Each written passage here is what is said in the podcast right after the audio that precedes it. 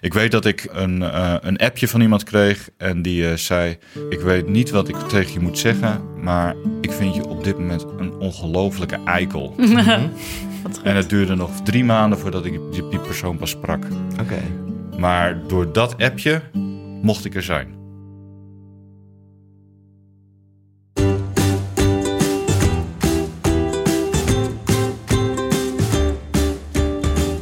Hoi, ik ben Nienke de Jong, journalist en moeder van Janne van drie jaar en Abe van anderhalf.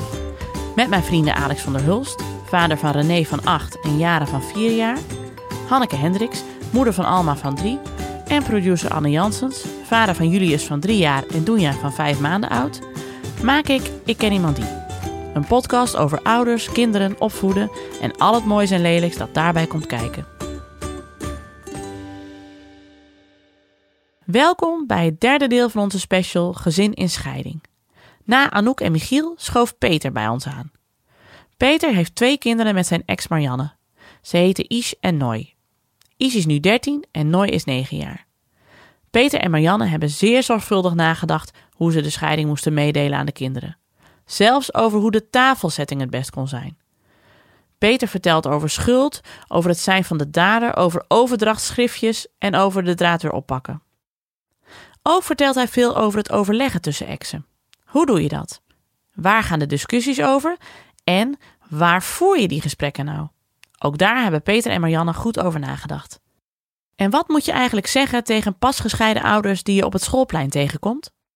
Terug naar de studio. Uh, hoe lang waren jullie getrouwd voor totdat je, nou, voordat jij merkte van dit gaat niet helemaal goed? Um, in totaal zijn we 13 jaar getrouwd geweest. En ik denk dat het zo na een jaar of negen was. Ja. En uh, misschien zonder al te veel in detail, hoe, hoe merk je zoiets?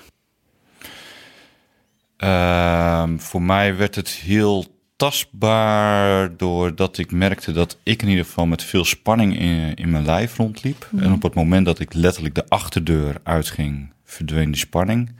En als ik weer terugkwam van mijn werk en ik uh, stapte de achterdeur weer binnen, dacht ik: oké, hoe zal de dag weer verder gaan verlopen? Mm. Uh, en dat heeft alles met mezelf te maken. En dat heeft alles met mij en in mijn relatie met Marianne te maken. En hoe oud waren de kinderen toen? Uh, ja, poeh, moet ik even gaan nadenken. We zijn in 2003 getrouwd, dus was 2011. Ish was toen vijf. Nooi was bijna twee. Mm. Ja. Um, en hoe, hoe maak je zoiets bespreekbaar uh, binnen, je, binnen je huwelijk? Want het is natuurlijk wel iets, als jij zegt ik voel me niet gelukkig, dan je legt een klein bommetje, kan ik me voorstellen. Dan is het ineens heel tastbaar. En, uh... Ja, nou, het was wel een proces. Eigenlijk um, uh, toen het proces, het proces startte eigenlijk al wel wat eerder. Uh, toen Ish ongeveer een jaar was. Ik kan me nog een moment herinneren dat we een soort van knallende ruzie hadden en dat we bij de bok stonden.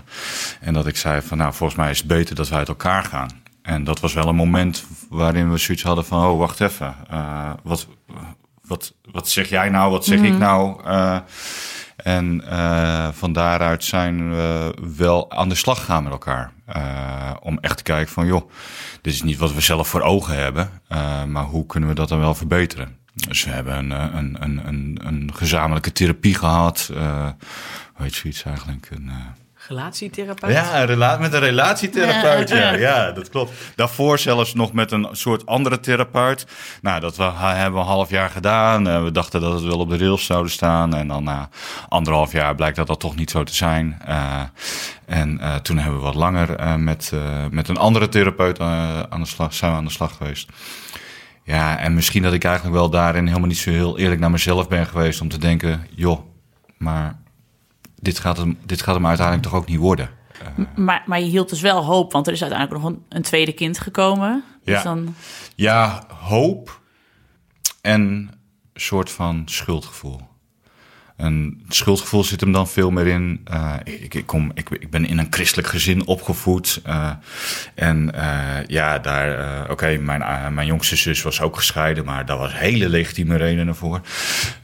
en, en maar toch had ik zoiets van, ja, mm, ik, heb ergens ja tegen gezegd. We hebben ergens ja tegen gezegd. Dus je, je geeft niet zo. Ik ben niet iemand die zomaar opgeeft. Eh, dus ja, en je hebt je kinderen dan ook, zeker. Eh, waarvan je helemaal denkt van ja, shit, als we, als ik, als we uit elkaar gaan, wat, wat, wat, wat over, gaat hun overkomen? Eh, je gaat ze het grootste verdriet op dat moment in hun leven aandoen wat, wat ze maar kunnen krijgen. En daar zit dan ook wel angst in. Dus het heeft nog wel een tijdje geduurd voordat ik het echt... Dat ik naar Marianne stapte en zei, joh, zo kan het echt niet meer verder. Of zo kan ik niet meer verder. En, en wat was voor jou toen dan het moment waarop je dat wel tegen haar durfde te zeggen? Van di- dit, dit is het, zeg maar? Het was voor, me, voor mezelf echt het gevoel van ja, ik sta met, met de rug tegen de muur. Ik, ik moet nu eerlijk zijn. Dus ik kan me nog herinneren dat het ergens in ehm, november was, 2015, denk ik. Ja, november 2015. Ik kwam thuis en toen zei ik, eh, de kinderen waren naar school toe. En het was in de ochtend. Ik zei, eh, ik, eh, het gaat niet meer verder. En eh, dat was schrikken. Eh, was ook, ik, nou, het was ook schrikken voor mezelf dat ik het durfde te zeggen. Ja. Ja, het is een heel proces van een nacht wakker gelegen en, eh, en dan s ochtends nog even gewerkt. Het eind van de ochtend, nou, het was rond lunchtijd, kwam ik thuis en toen dacht ik, ja, het is nu of nooit. Dat moet nu wel. En dus gezegd, en tegelijkertijd ook gezegd van, eh, het, het, het, kan niet meer zo verder, maar ik wil er nog wel goed over nadenken en... eh, en ik wil ook even ruimte hebben en afstand kunnen nemen om dat, eh, om dat ook te laten bezinken. En, en, en ook gewoon met andere mensen nog eens goed over te hebben. Dus ehm, En kwam dat moment voor Marianne als een verrassing? nee, het kwam niet als een verrassing. Maar het kwam wel als grote schok. Ehm, en zeker ook wel omdat, het, om, omdat zij ehm, eh, ook wel meer leefde in... Oké, het gaat niet goed nu. eh, maar ik geef de hoop niet op. Het kan altijd, we, kun- we kunnen elkaar altijd vinden. We hebben elkaar ooit in het begin gevonden. Dat kan niet zomaar weg zijn. Eh, Zij had nog wat strijdlust. zij had zeker nog strijdlust, ja, ja, ja. En, eh, en het was ook, in de jaren daarvoor was het ook veel meer, denk ik, mijn strijd. Dus het, uiteindelijk was het moment dat ik het zei, was, was echt al een periode die er al voor zat. Eh, waardoor dat voor mij veel intensiever leeft. En daarin heb ik ook niet zo heel veel met haar gedeeld in dat half jaar voor die november. Eh, Dus voor haar kwam het dan toch ook nog wel weer een soort van. Ook al wisten we elke dag, het ging niet zoals het ging. eh, dat wisten we. Maar uiteindelijk, als er dan een van de twee zegt: joh, ben er toch wel, eh, eh, ik ben er toch wel een beetje klaar mee. Ja. Dan, eh, dan ja, was dat wel een schok. Ja. Dan moet je er ook ineens wat mee doen. ja. Ehm, en hoe oud waren de kinderen toen, toen jullie het aan ze hebben verteld? Ehm Ish was acht, Nooi was vijf, werd vijf. Ja. En eh, hoe vertel je aan twee kinderen van acht en vijf van jullie ouders gaan uit elkaar? Eh, wat, de, het eerste gevoel is gewoon hel. Want je gaat echt het meest kutte vertellen wat je, wat je in je hele leven maar ooit aan twee kleine wezens hebt kunnen vertellen. Ehm, eh, ik moet erbij zeggen dat we dat zelf ook niet precies wisten hoe we dat, eh, hoe we dat zouden gaan doen. Dus we zijn bij ehm, het Centrum voor Jeugd en Gezin langs geweest in Houten. Hebben we een afspraak gemaakt. En daar eh, vertelde een medewerkster eh, van ons van... joh, eh, eh, wat je het beste kunt vertellen... is niet dat je niet meer van elkaar houdt... maar dat je niet meer verliefd bent. Want houden van betekent... eh, oh, maar wacht even. Het kan dus ook betekenen dat ze niet meer van mij houden straks. En dan betekent het dus dat mijn vader of mijn moeder ook tegen mij kan zeggen... doei. En verliefd zijn, we- ook kinderen van 8 en 5 kunnen wel een verliefd gevoel hebben. Zijn ook wel eens verliefd geweest. En ja, en dat kan ook overgaan. Eh, dus zij op deze leeftijd zegt, is het, eh, eh, zou ik aanraden om het op die manier te vertellen.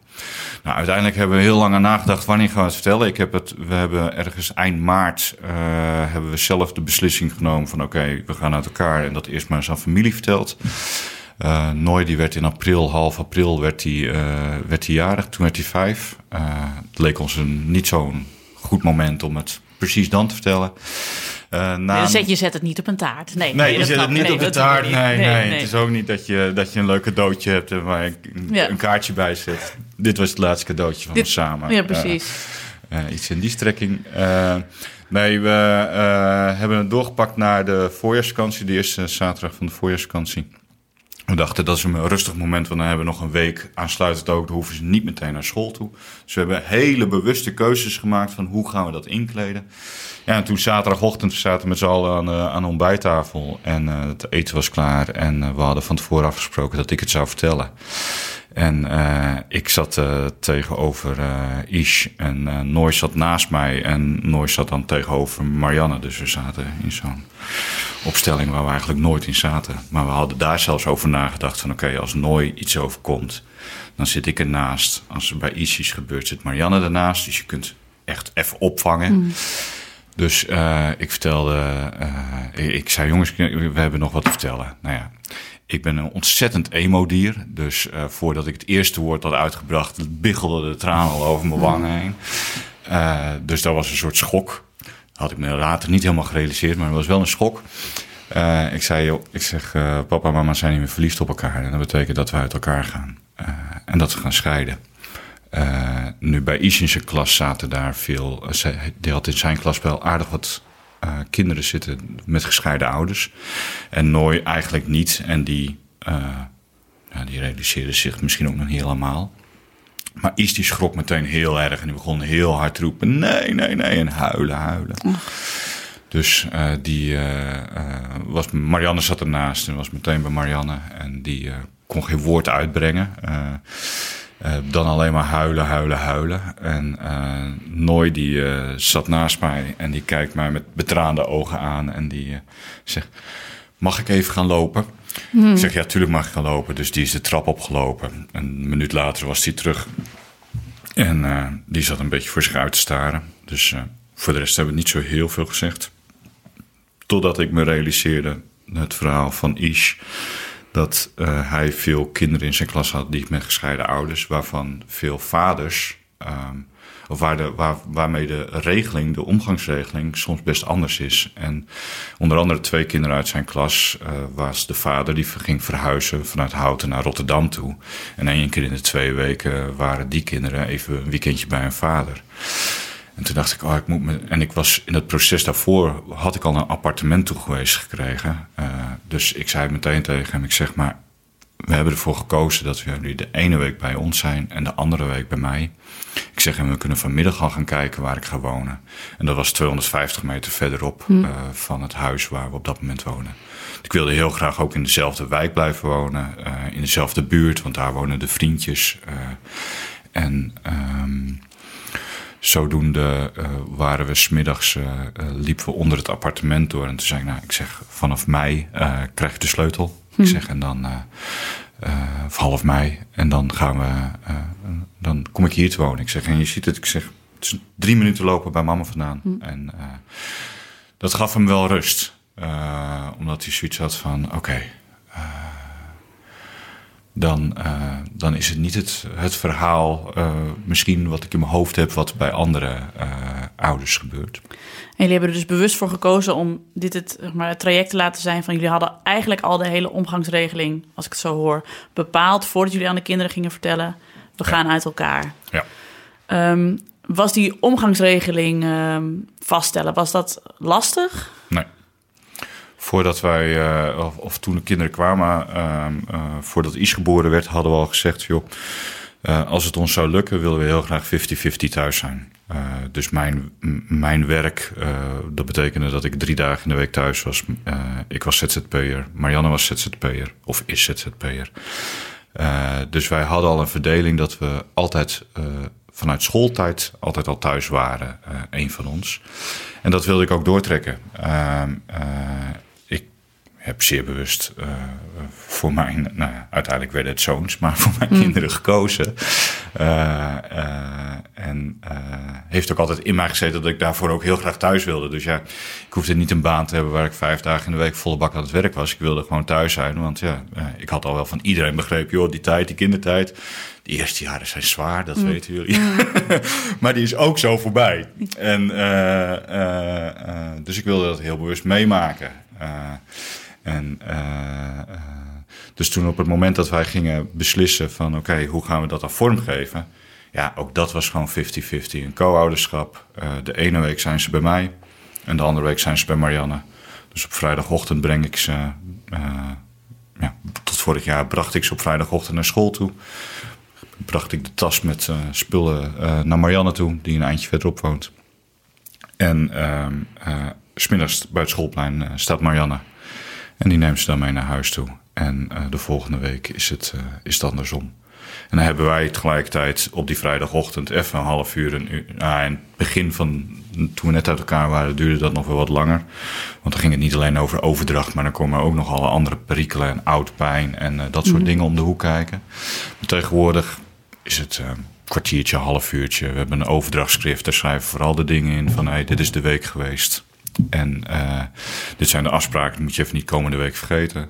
Uh, en dan is het nog even een beetje bijpraten hoe de week is geweest. Dus eigenlijk meer even de sfeer en het gevoel erbij zetten. Of sommige dingen moet je gewoon even vertellen, omdat dat op papier niet echt zo goed overkomt.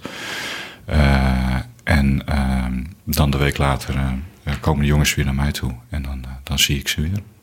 En hoe, hoe waren die eerste weken um, toen jij in je appartement zat en jullie dat ritme moesten vinden, zeg maar? Van ene week op, ene week af. En dat de jongens hun nieuwe uh, woonplek ook moesten leren kennen. Ja. Ik heb ze, de jongens heb ik heel bewust meegenomen in het proces van het. Ik zei tegen ze: Dit wordt ons huis. Het wordt geen mancave, maar het wordt wel ons Mhm. mm. huis. uh, ik denk dat sommige mensen nu nog wel denken. Hm, het is best een mancave, maar... Ja, maar voor de luisteraar, gelukkig heb je inmiddels gewoon een, een nieuwe relatie. Dus misschien dat Ja. hij daar ook nog eens een keer... Maar een hoezo leuke- is het een, was het een mancave dan? Nee, een beetje uit als een studentenhuis zo. Bank en een grote tv. Ja, Grote ik denk- Pulp ik denk- Fiction ik denk- poster. Ik denk dat mijn geliefde nu zegt, eh, ja, dat is inderdaad een mancave. Eh, ik, na, na een jaar, er lag, er lag laminaat in, maar dat heb ik na een jaar eruit gehaald. En er ligt nog niks anders op de vloer. Ook omdat ik dat, ook omdat ik dat heel cool vind. Gewoon een, gewoon een betonvloer. Of? Ik heb gewoon een betonvloer en dan ligt dan zo'n persisch kleed en dan en dat soort dingetjes, zeg maar. Heel hip. Eh, heel hip, Ja. inderdaad. Ijskoud. inderdaad. Ehm, maar eh, nee, ik heb ze, eh, toen, toen ik de sleutel kreeg, heb ik de jongens meteen meegenomen. En we hebben gezegd van, oké, hoe gaan we dit vormgeven? Eh, het was een appartement met twee slaapkamers. Dus dat betekende wel dat ze met z'n tweeën op één slaapkamer moesten. Nou, dat waren ze al wel gewend in het vorige huis. Ook al hadden ze daar hun eigen slaapkamers. Maar zij vonden het heel relaxed om in een groot stapelbed te liggen met z'n tweeën. Dus, ehm, eh, dus dat was niet zo heel... eh, dat werd niet heel veel anders. Maar wel van, joh, wat willen jullie op de vloer in jullie kamer? Welke kleuren gaan we op de muur smeren? En, en dat soort, dat soort elementen. Maar dan, ja, voor mij was het heel anders dan voor Marianne. Voor, mij was het op dat moment vrijheid. En voor Marianne was het diepe rouw. Eh, en, eh, Die zat ook nog in het oude huis natuurlijk. die zat Jij in het zat oude huis. nieuws. Ja, precies. Eh, daar hadden we ook heel bewust voor, ook daar hadden we heel bewust voor gekozen. Ik wilde Marianne niet opschepen met. ja, doordat ik wegga, moet jij ineens van alles gaan veranderen. Dus jij, wat mij betreft, kun jij gewoon in het oude huis blijven. Ook voor de jongens is dat, was het ook wel prettig, want er was nog iets vertrouwds in ieder geval. Eh, niet alles eh, was meteen weg. Ehm, maar ja, voor mij was het een soort van verademing. Dus ja, bij mij was het wel het eerste half jaar feest als de jongens thuis waren. Eh, en dan niet zozeer feest in de zin van dat alles kon. Maar ja, eh, er kon wel meer als dat, we dan, dan dat ze daarvoor gewend waren. Eh, want ja, mama die was er niet bij, eh, die toch ook een bepaalde rol in het huishouden had. En die wat strikter was altijd dan dat ik was. Dus, en, ja, en bij Marianne gingen natuurlijk, daar zat gewoon veel verdriet. Dus die die jongens kwamen wel thuis. En dan probeerde Marianne zich natuurlijk, en dat snap ik heel goed, zo sterk en zo goed mogelijk te houden. Eh, alleen ja, tegelijkertijd zit daar wel, ja, je- de emotie van verdriet, pijn, boosheid. Ja. Ook gewoon boos, heel, bo- heel boos op mij. ehm, zat daar natuurlijk wel thuis. En het lijkt me ook heel onwerkelijk voor haar dat je eh, steeds met z'n vieren in één huis hebt gewoond. En dat je nu in een situatie komt dat je dan een hele week alleen bent in het huis waar je ooit met z'n vieren woonde. ja. Dan zonder kinderen. Ja, ik denk dat dat ook heel eh, eh, eh, raar eh, is. Ehm, ze heeft het nooit zo benoemd, maar ik denk wel dat het wel echt zo is, ja. ja.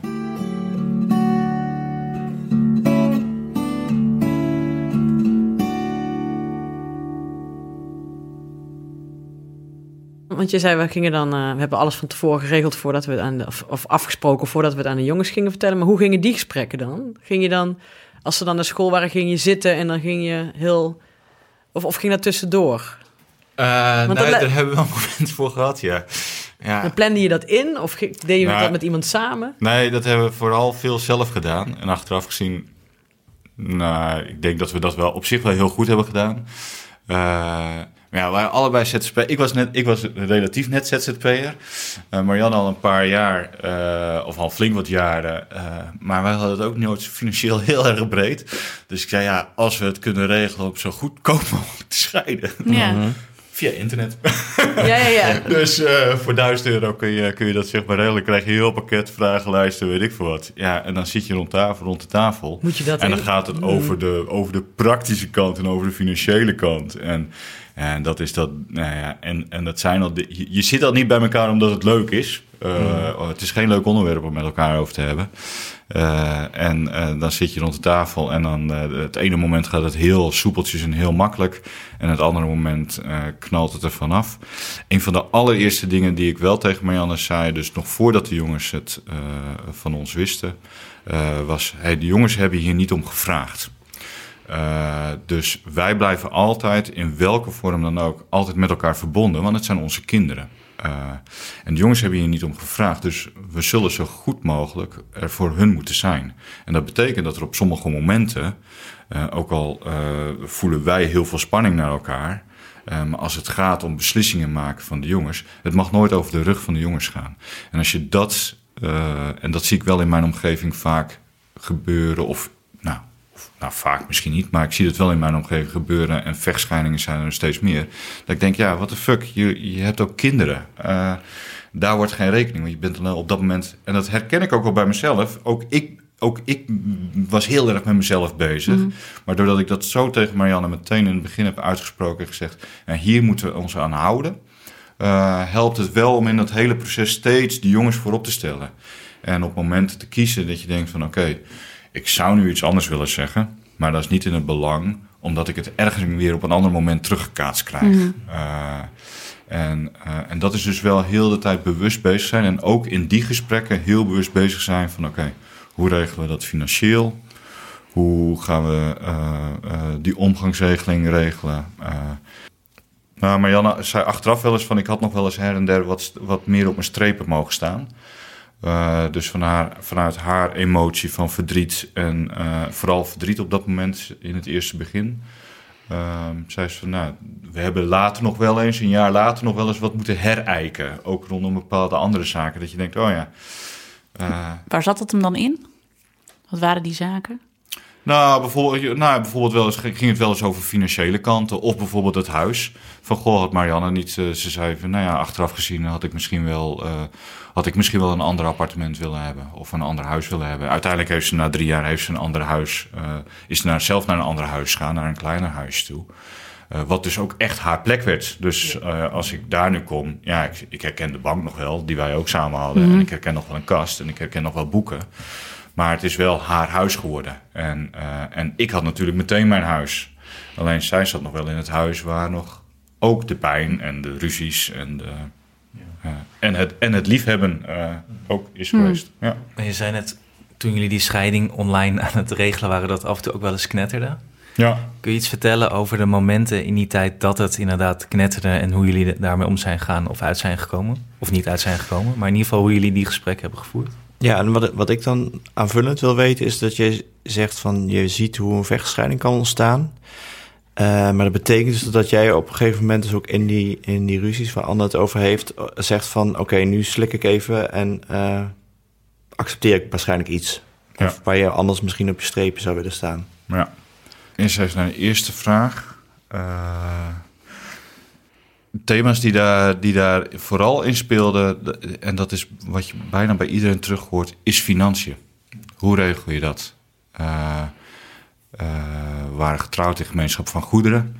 Nou ja, dan kan ik. En Marianne had haar eigen bedrijf. Ik had net mijn eigen bedrijf, maar bij mij stond er geen, nog bijna geen geld op mijn rekening. Bij Marianne wel. Ja, ik zou heel lullig geweest kunnen zijn en hebben kunnen zeggen: joh, ik wil de helft van je bedrijf. Eh, nou, dat heb, ik, dat heb ik, zoiets heb ik niet gedaan. Omdat ik denk, ja, dan, dan eh, ga ik aan jou, tussen aanstekens, hardverdiende en zuurverdiende geld zitten. Ik heb er niks voor hoeven doen. Alleen maar te zeggen, ik ga, we gaan uit elkaar en ik neem de helft van, jou, Ja. van, jou, van jouw bedrijf mee. En ik neem, een- en ik neem een stukje eh, toekomst van je af. Terwijl het, eh, nou, uiteindelijk is het wel onze gezamenlijke keuze. Maar het was wel, ik was wel degene die zei, joh, ik ga zo niet meer verder. Dus daar ga ik niet in mee. Joh, we hadden, we hadden spaargeld. Eh, eh, ik wilde niet alle spaargeld meenemen. Maar ja, ik moest wel opnieuw starten. Eh, dus ik had wel wat spaargeld nodig. Nou ja, daar, dan ben je wel even aan het steggelen om de komma's. Eh, hoeveel gaat het dan worden? En ja, en als wij ruzie hadden, dan kon dat wel heel, dan, dan kon dat wel echt hard gaan. En en er werd nooit iets met iets gegooid, maar er werd wel gegooid met woorden. Eh, en eh, ik ben thuis, eh, sorry mam, maar ik ben thuis opgevoed met dat je niet loopt te vloeken, maar er is. er zijn wel wat nood, vervloekingen- nood breekt wet, nood breekt wet. Precies. Er zijn wel eens wat wel. vloeken gevallen, zeg maar. En, eh, Maar ook als kinderen bij waren? Of altijd? nee, altijd. Nee, ja, op dat moment niet. In het, voordat wij uit elkaar gingen, waren de kinderen er niet bij. Maar ik denk dat ze het wel eens beneden of boven gehoord hebben als ze in bed lagen. Eh, en, eh, en achteraf gezien denk ik, ah, echt. Ik, nou ja, ook mijn ouders hadden wel eens ruzie en dan hoorde ik dat ook wel. En ik, merk, ik weet dat ik dat als kind wel spannend vond. Dat ik dacht, joh, die blijven niet bij elkaar. Nou ja, ze zijn eh, meer dan 60 jaar getrouwd geweest totdat mijn vader overleed. Maar eh, dat is dus wel goed gekomen. Eh, maar wel dat ik wel eens dacht van, nou ja. Maar in die periode van eh, het regelen van alles, eh, daar waren de kinderen nooit bij. Dus ze hebben heel specifiek altijd momenten voor gekozen. En bedenk ik me nu net, in de laatste periode daarvan merkten we wel eens dat we dan toch gewoon ruzies kregen. En toen hebben we er heel bewust voor gekozen om even in een café te gaan zitten. Want je maakt niet zo heel snel ruzie Nee. met wildvreemden om je heen. Slim. Slim, ja. Heel slim. Dat zeg je nou wel. Dit is ti- tip 1. Wil je ruzie maken? Ga naar het café. Ja, sowieso ook als je het niet uit elkaar wilt of wat dan ook. Ga ook naar het café. Heb je iets moeilijks te bespreken, eh, doe dat in een, in een eh, neutrale omgeving. Ja. Eh, dat kan echt schelen. Met een trap omhoog, zodat je toch nog eventueel nog even de trap op kunt stampen, zeg maar. Ja, precies, ja. ja. Eh, Maar wat een goede tip, ja. Ja, dus, dat- dus ik weet wel. En we hebben ook nog wel na onze scheiding hebben we daar ook nog wel momenten voor gehad. Dat we echt zeiden van nou laten we even 's ochtends koffie drinken in, eh, in dat tentje. Want we weten dat dit gevoelige onderwerpen zijn. Of gevoelige onderwerpen. Er is genoeg gebeurd de afgelopen weken in je emotie. Dat je denkt, hm, daar, eh, dan moet Ja, niet in een auto. geven. Ik zie mensen wel eens in een auto ruzie maken. En dan kun je ook helemaal niet meer weg. Nee. Ga je boos Ja, aan wij, dat was kijken. wel het grappige. Wij, konden altijd, wij hadden wel altijd ongeveer de beste gesprekken in de auto. Oké. Maar dan hoef je elkaar niet aan te kijken, hè? Nee, dat was Ja. heel fijn. En ik had nog geen rijbewijs. Dus, eh, maar ik weet ook wel dat ik een keertje heel boos ben geweest en bijna het dashboard in elkaar. Dus, eh mwah. Hey, maar jullie hadden dus zo'n online pakket eh, met, Ja. het, het- laat ik het hulp bij scheiding noemen, of de, de scheiding to-do-list. Of, eh, ja, of volgens zo. mij is het gewoon scheiding.nl. En ja. dan eh, krijg je een hele, hele lijst met alles wat je moet invullen. Is het eigenlijk dan- duurder dan eh, trouwen? Wat kost trouwen? Ja, ons huwelijk Trouwen kan niet al zo gratis, heel hè? duur, Maar, eh, En scheiden is dan 1000 euro. ja. Ja, maar als je trouwt, eh, niemand trouwt bijna meer eh, in gemeenschap van goederen. En dan kost het altijd geld. Als je, Oh, zo ja. Snap het. Nou, onze ons, ons bruiloft was niet extreem duur. eh, maar dat vonden we zelf ook heel leuk om dat, eh, om dat zo'n low budget te kunnen doen. Eh, maar onze scheiding was wel goedkoper dan ons trouwen. Eh, althans, ja, maar bij trouwen heb je er gewoon nog een feestje bij. dat is bij scheiden gewoon Ja. over het algemeen niet het geval. Dat zou kunnen. nou ja, er zijn ook mensen die heel goed uit elkaar kunnen gaan. En dat vind ik heel knap. Maar had jij naast zeg maar, dat pakket van scheiding.nl, had jij nog meer hulp willen hebben? Of waar had jij nog behoefte aan gehad, maar als je nu er achteraf op terugkijkt? Ik had wel meer behoefte. eh, ik had verwacht dat mijn omgeving er meer zou zijn. Hm. Maar doordat je, eh, en voor een deel is dat. eh, eh, doordat ik degene ben, denk ik hoor, Hm. vermoed ik. Doordat ik degene ben die, geweest, die er geweest is om te zeggen: zo kan het, zo ga ik niet meer verder. Ben je toch een. Ja, het woord wat ik zelf had gebruikt. Je bent toch een beetje de dader. Ja. En ja, daders zijn er toch wat minder, daar, ja, daar staan mensen toch wat minder snel voor open. zelfs, En zelfs goede vrienden. Marianne was verdrietiger. Ja, maar, en Marianne is inderdaad, ja, slachtoffer, Ja. verdrietiger. eh, die wordt alleen gelaten. Eh, ehm, en, ehm, eh, en ja, daar gaat dan wel, daar gaan, daar, dus ik had uiteindelijk, want ik kom uit het sociale wereldje vandaan qua werk. Dus ik, had, ik wist sowieso, ik werkte vanuit mijn werk ook heel veel samen met het Centrum voor Jeugd en Gezin. Eh, dus ik wist wel heel snel hoe ik eh, eh, professionals kon bereiken. en waar ik mijn vragen eventueel bij kon stellen. Maar wat ik uiteindelijk wel gemist heb, en dat is ook wel wat je vaker ziet: een scheiding is niet alleen maar tussen twee mensen die uit elkaar gaan. Er zijn hele groepen mensen die ik al vier, vijf jaar niet gezien heb. Of bijna niet gezien heb, terwijl we daarvoor wekelijks met elkaar omgingen. Ja, dat, dat, dat doet heel veel pijn in de eerste jaren. Nu merk ik wel van, oh ja, nou ja, dat is dan gewoon zo. Dat is dan ook het leven. Eh, pijnlijk. En hoe gaat het op schoolplein eigenlijk? Wat moet je eigenlijk zeggen tegen een gescheiden ouder? Of wat niet vooral? Krijg je ook heel ongemakkelijke Wat gesprekken dan? voor je. Ja, ja.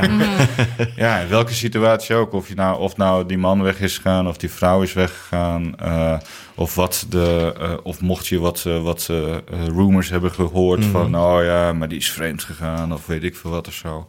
Het blijft gewoon iets wat, wat beide partijen... eh, eh, wat misschien wel een stukje opluchting kan geven voor een van de partijen. Of misschien ook over beide partijen. Maar het blijft wel allebei iets pijnlijks.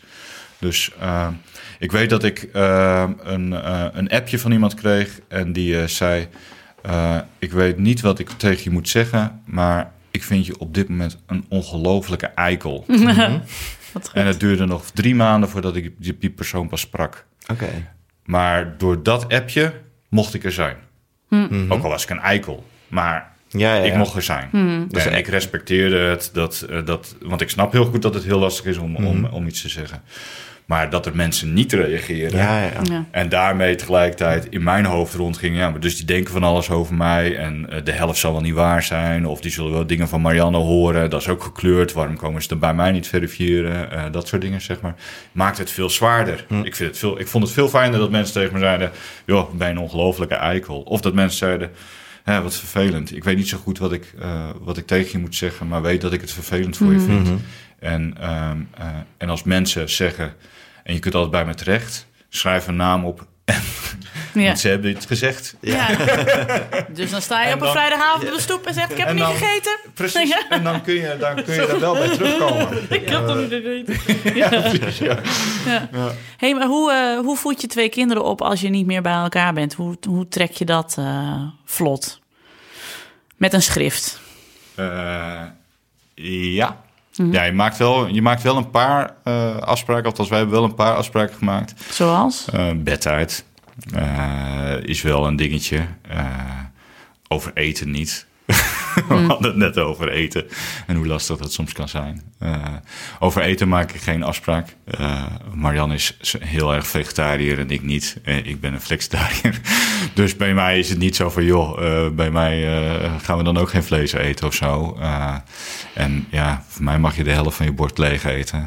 Misschien bij Marianne, weet ik niet eens, maar misschien bij Marianne een heel bord. Dus je maakt op een aantal aspecten maak je wat afspraken. Uh, in het begin hebben we een duidelijke afspraak gemaakt. We willen elkaar in ieder geval, Marianne en ik, uh, één keer in de twee maanden even wat meer uitgebreider spreken. Van hey, hoe gaat het bij jou, hoe gaat het bij mij en waar moeten we echt op letten? Naast die vrijdagmomenten uh, waarin we even de, de week doorspreken. Maar ja, uiteindelijk maak je ook een ouderschapsplan. En in een ouderschapsplan komt van alles naar voren. Hoe ga je om met ziekte van je kind? Uh, hoe gaat dat dan? Nou, dat hadden we nog niet helemaal helder. Uh, dus na een um, half jaar, de jongens zijn dan zeg maar tot en met vrijdagochtend bij mij. En dan breng ik ze naar school toe. En smiddags komt Marianne. Daar zit een gat tussen 9 en 2. Totdat ik een keertje naar Italië moest op vrijdagochtend. En mijn, jongste, of mijn oudste zoon ziek was. En, en ik werd om 9 uur opgehaald. dus ik bel Marianne op en zeg van... joh, is ziek. Ja, dat is een probleem. Ik zit op mijn werk. ik zei ja, en ik word zo opgehaald om naar Italië te gaan. En toen heb ik hem uiteindelijk naar Marianne toegebracht. Uh, en daar was hij dan eerst nog eventjes alleen thuis. Uh, uh, en dat was voor ons het moment dat we zeiden: joh, vanaf het moment dat negen uur de jongens op school zitten, is het de verantwoordelijkheid van de andere ouder voor de week daarna. Hm. Ja, dat, dat kun je van tevoren niet, althans wij hebben dan van tevoren niet bedacht hoe je dat moest doen. Dat leer je onderweg, zeg maar. Uh, maar ik baalde er wel van dat Is nog anderhalf uur alleen thuis was, hm. uh, ziek. Uh, en ik was ook hartstikke over de pis en over de zaak. Hm. dat ze niet eerder thuis kwam. en, en knettert het dan nog wel eens in de opvoeding? Dat de kinderen zeggen van, nou dat mag bij mama wel? Of uh, ja, Marianne krijgt dat wel meer te horen dan dat ik dat te mhm. horen krijg. Um, en ik denk dat dat wel een dingetje is. Um, tegelijkertijd is het voor mij niet anders als dat het toen we bij elkaar waren. Want toen werden we ook uit... uit mm Mag ik een snoepje? Nee. Pap, mag ik een snoepje? Ja. Tot net even van je moeder gehoord dat je nee, dat ja. ze nee zei. Dus, dus... Maar hanteer je dat dan ook bijvoorbeeld als er iets gezegd is... of als, als je, uh, je ex zegt van uh, dit wil ik echt niet... en als ze dan toch nog een keer aan jou vragen... dat jij zegt nee, maar... Nee, wat we dan wel doen is dat we het even checken bij de ander. Precies. Of het echt zo is. Want ze hebben ook de leeftijd dat ze zeggen... ja, mhm. maar bij mama mag het wel, want... terwijl het dan toch nee was, zeg maar. Mhm. Dus ja, zo geraffineerd zijn ze mhm. wel. En... Uh, dus als het echt over. Uh, kijk, over een snoepje vind ik het echt geen ding. Maar als het echt over iets gaat. Uh, dan. dan nou ja, bijvoorbeeld mijn oudste zoon nu met feestjes of wat dan mhm. ook. Ja, dan, dan checken we dat wel eventjes. Maar goed, dat zijn dus ook heel vaak dingen die we dus onder andere in dat schrift al met elkaar bespreken. Van, goh, ik heb dit met hem afgesproken voor volgende week. Er is een feestje. ik heb afgesproken dat hij voor het cadeautje zorgt. Uh, in plaats van, oh mam, wil je nog even cadeautjes scoren? Mm. Nee.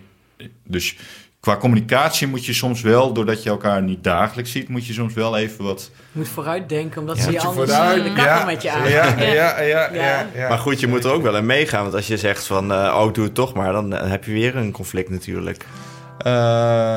als jij die afspraken niet na gaat komen, dan krijg je weer een gedoe. Uh, ja, dus, dus dan moet je inderdaad wel uh, uh, even meegaan. Ja. En ja, dan is het dus ook wel even soms even slikken dat ik denk, mhm. ja, ik had het anders aangepakt. Ja. Mm. Maar ja, volgens mij is dat niet anders dan dat je partner ochtends iets, ja. iets heeft gedaan waarvan jij smiddags thuis denkt, nou, dat had ik toch even anders gedaan. Ja, precies.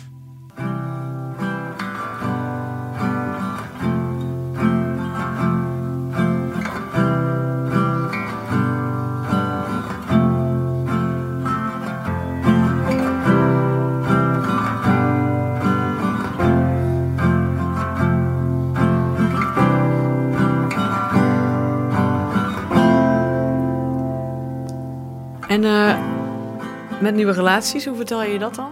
Het heeft bij ons hele tijd geduurd. Het heeft een hele tijd geduurd voordat. Uh, uh, of het heeft niet heel lang geduurd in die zin dat Marianne ervan op de hoogte was. En uh, Marianne wilde wel heel graag Mirjam ontmoeten. omdat ze iets had van. Ja, zij gaat ook zo meteen een rol hebben met, met, met Isha Noy. wanneer speelde dit? Hoe, hoe snel speelde het? dat was op, op zich, voor veel mensen was dat al wel redelijk snel. Dus dat was na een half jaar al. En zij hebben elkaar ook, denk ik, al, redelijk snel daarna hebben zij een afspraak gemaakt, ook in een café, mm. met een bak koffie, uh, om elkaar te ontmoeten en elkaar even te leren kennen. Uh, daarna heeft het nog uh, ruim een half jaar, ja zeker nog ruim een half jaar. Dus de jongens leerden Mirjam pas kennen. Ja, toen wij al een maand of 10, 11 iets hadden. toen je zeker wist dit, dit blijft? Ehm, ja, voor een deel toen we zeker wisten van dit blijft. En, maar ook tegelijkertijd uh, uh, wederom bewust zijn van ook het proces waar de jongens in zitten. Het is leuk dat ze nu twee huizen hebben. En het is leuk dat ze misschien extra speelgoed hebben en weet ik veel wat. Maar ook zij gaan door een proces van verdriet heen. Uh, waar ze bij trouwens wel bij geholpen zijn. Ze we hebben ook heel bewust voor de jongens voor het kiesprogramma gedaan, gekozen. Dus dan zitten ze acht weken uh, een woensdagmiddag samen met lotgenoten bij elkaar en worden, wordt er gesproken over thema's zoals verdriet, boosheid, omgaan met nieuwe relaties en dat soort dingen, zeg maar. Uh, dus het is echt helemaal specifiek gericht voor kinderen met gescheiden ouders. Maar voor ons was het heel, voor, zowel voor mij als Mirjam, mijn, mijn geliefde, was het heel belangrijk dat we daar ook zo zorgvuldig mogelijk mee willen omgaan. Dus het duurde bijna een jaar voordat ze Mirjam pas voor het eerst ontmoette. En toen zijn we met z'n vieren naar een museum in Hoorn geweest. Uh, ik weet niet eens meer welk museum. Waarom ook niet? Want dat doe je dan. Hè? Ja, Precies. Daarom hebben, daar hebben ze een museum voor in Hoorn. Voor uh, ja, mensen die hun nieuwe geliefde aan hun kinderen willen voorstellen. Ja. Het is een dramatisch museum, maar er staan heel veel Star Wars dingen. En ik dacht, oh. nou, dat vinden ze vast leuk. Ik heb niks met Star Wars, maar mijn kinderen vonden het heel leuk. Maar wel even een dagje weg. Hmm. Dus we gingen met z'n allen een dagje op pad. Uh, achteraf gezien, toevallig, zei twee weken geleden, zei Is van... Uh, ja, dat was eigenlijk best gek. Uh, vond het heel leuk, maar het was ook heel gek om jou ineens met, uh, met Mirjam te zien. Uh, oh ja. En ook daarin waren we niet het verliefde stelletje. Want ik vind, ja, dat vonden we allebei ook een beetje een soort van shocking. Zo van, ja, je gaat dan niet helemaal lopen uitgebreid van tongen. Ik wou niet zo heel achter. Ja, nu doen we dat wel en dan zeggen we... Uh, dus, uh, maar nou ja, ook, ook dat hele proces dat bouwt zich op. Dus uh, in het eerste, zeker toen nog in dat eerste jaar aansluitend. Nou, dit was volgens mij ergens ook in maart of zo dat ze Mirjam leerden kennen. En toen was het oud en nieuw. Dat was pas de eerste keer dat, ze, dat we met z'n vieren een nachtje in, in Utrecht sliepen. Hmm. waar Mirjam woont, waar Mirjam haar huis heeft. Ehm, en we hebben toen ooit wel eens... Want uiteindelijk merk je van, oh, die nieuwe relatie die is ook gewoon echt serieus. Hm. Uh, dus dan ga je ook nadenken over je toekomst. En toen hebben we, Mirjam en ik, met elkaar gehad van, nou... In 2000, zomer van 2019 gaat uh, Is naar de middelbare school toe. Misschien is dat het moment dat we kunnen zeggen van... Goh, in die zomer zouden we misschien kunnen gaan verhuizen. Want die hm. school is een verandering en dan komt er een ander... Maar wij uh, hebben besloten dat we elk jaar in november een, een weekendje met z'n tweeën weggaan. En dan evalueren we onze uh, eigen relatie. En hm. dan uh, is dit een onderwerp. Dus in november 2018 zeiden we, zijn we er eigenlijk aan toe. Want dat is ook wat iets wat we naar elkaar hebben uitgesproken. We moeten er alle vier aan toe zijn. We hebben alle vier hebben een veto. Dus zowel Is, Nooi, ik als Mirjam hebben een hm. veto. En Mirjam die zei in november van, uh, uh, ik ben er nog niet aan toe. Ze zegt, ik uh, heb nu een huis waarin ik één week gewoon lekker alleen met onze katten ben. Want dan zit jij in houten mm. met je zoons. dan wordt het dus, jij bent 52 weken. En om de week komen er nog eens twee opgroeiende jongens bij ook. Ze zegt, ik, ben, ik moet daar nu eigenlijk nog niet aan denken dat we dat al vanaf de zomer van 2019 doen. Dus dat wordt dan in november 2018 wordt dat besproken. En dan zeggen we ook van, nou, daar spreken we ook gewoon een jaar niet over. Dit is gewoon, uh, uh, hoeven we ook niet over na te denken.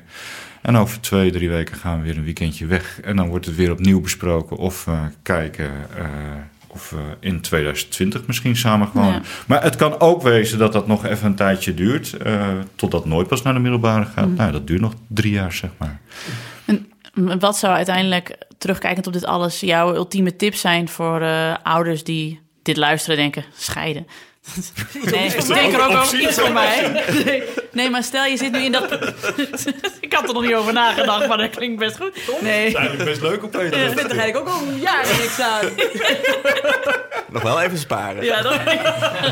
Duizend euro, je krijgt ook geld mee. Nee, maar um, wat, terugkijkend hierop, wat, wat zou je gouden tips zijn aan mensen die nu in dit proces zitten? Nou, dat is, voor mij is echt een gouden tip, omdat het gewoon ik zie het te weinig gebeuren. Um, zeg tegen elkaar: de kinderen hebben hier niet voor gekozen. En houd die dus voor ogen. Vaak zeggen, of als ik heb veel onderzoeken gelezen waarin staat dat, dat een scheiding zoveel impact heeft, waardoor kinderen op, later op volwassen leeftijd bindingsangst en dat soort dingen kunnen krijgen. Uh, nou, ik denk dat je uh, als je uh, als beide ouders ervoor kiest, hey, de kinderen staan centraal, wij gaan uit elkaar, maar we moeten er zo goed mogelijk voor hen zijn. dat je daar heel veel eventuele sores in de toekomst mee wegneemt. en dat betekent ook, Isje is nu jarig. zaterdag viert hij zijn verjaardag. dat is bij Marianne thuis. Ik ben daar. Hm. Waarom? Nou, ah, ik kan ook wel met Marianne nog echt wel door één deur. Ik denk dat dat onder andere door de keuzes die we maken wel zo is geweest. Is het gemakkelijk voor mij? Nee. Want ik zie ook mijn vroegere schoonfamilie. Mm. En, uh, en dat zijn geen kwade mensen, maar ik vind dat toch ongemakkelijk. maar ik ben daar. Waarom? Omdat Isjarig is. En omdat ik weet dat er kinderen zijn die hardop zeggen het meest vervelende vind ik dat als ik jarig ben, dat mijn ouders er samen niet kunnen zijn. Mm. Of dat ze tegenover elkaar in de kamer zitten en er hangt een sfeer. En uh, nou ja, dat zeg maar. Dus ja, mijn echt ultieme tip is: zeg tegen elkaar, de kinderen hebben er niet voor gekozen. Uh, maar we zijn er wel voor hun, want we zijn hun ouders. En, uh, en je moet soms even over jezelf heen stappen. En je moet mm. over jezelf heen stappen, over je eigen verdriet, boosheid, woede uh, of vrijheid, uh, die je ook kunt ervaren als een van de partijen, ja. uh, moet je soms even overheen stappen. Ja. ja. En dan ga je maar daarna op boksles of zo om al je frustratie even eruit te, te schoppen. Maar je, je, kinderen merken daar niet niks van. Ja, inderdaad. Je hebt ventilatiekanalen nodig. en zeker sommige vrienden mag je ook wel aan hun haren hmm. trekken en zeggen: joh, we waren toch vrienden. Hmm. Hmm.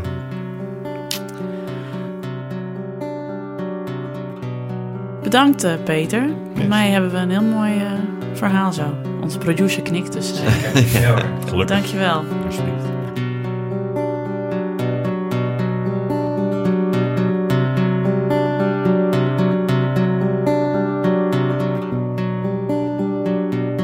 Dit was het verhaal van Peter. Hierna volgt Anouk, de tweede Anouk, die weer een volstrekt ander en uniek verhaal heeft. De break-up in Bangkok. Dus blijf vooral luisteren naar onze N is 5 en dus de vierde en laatste aflevering van onze special. Deze podcast maakten we samen met de Family Factory.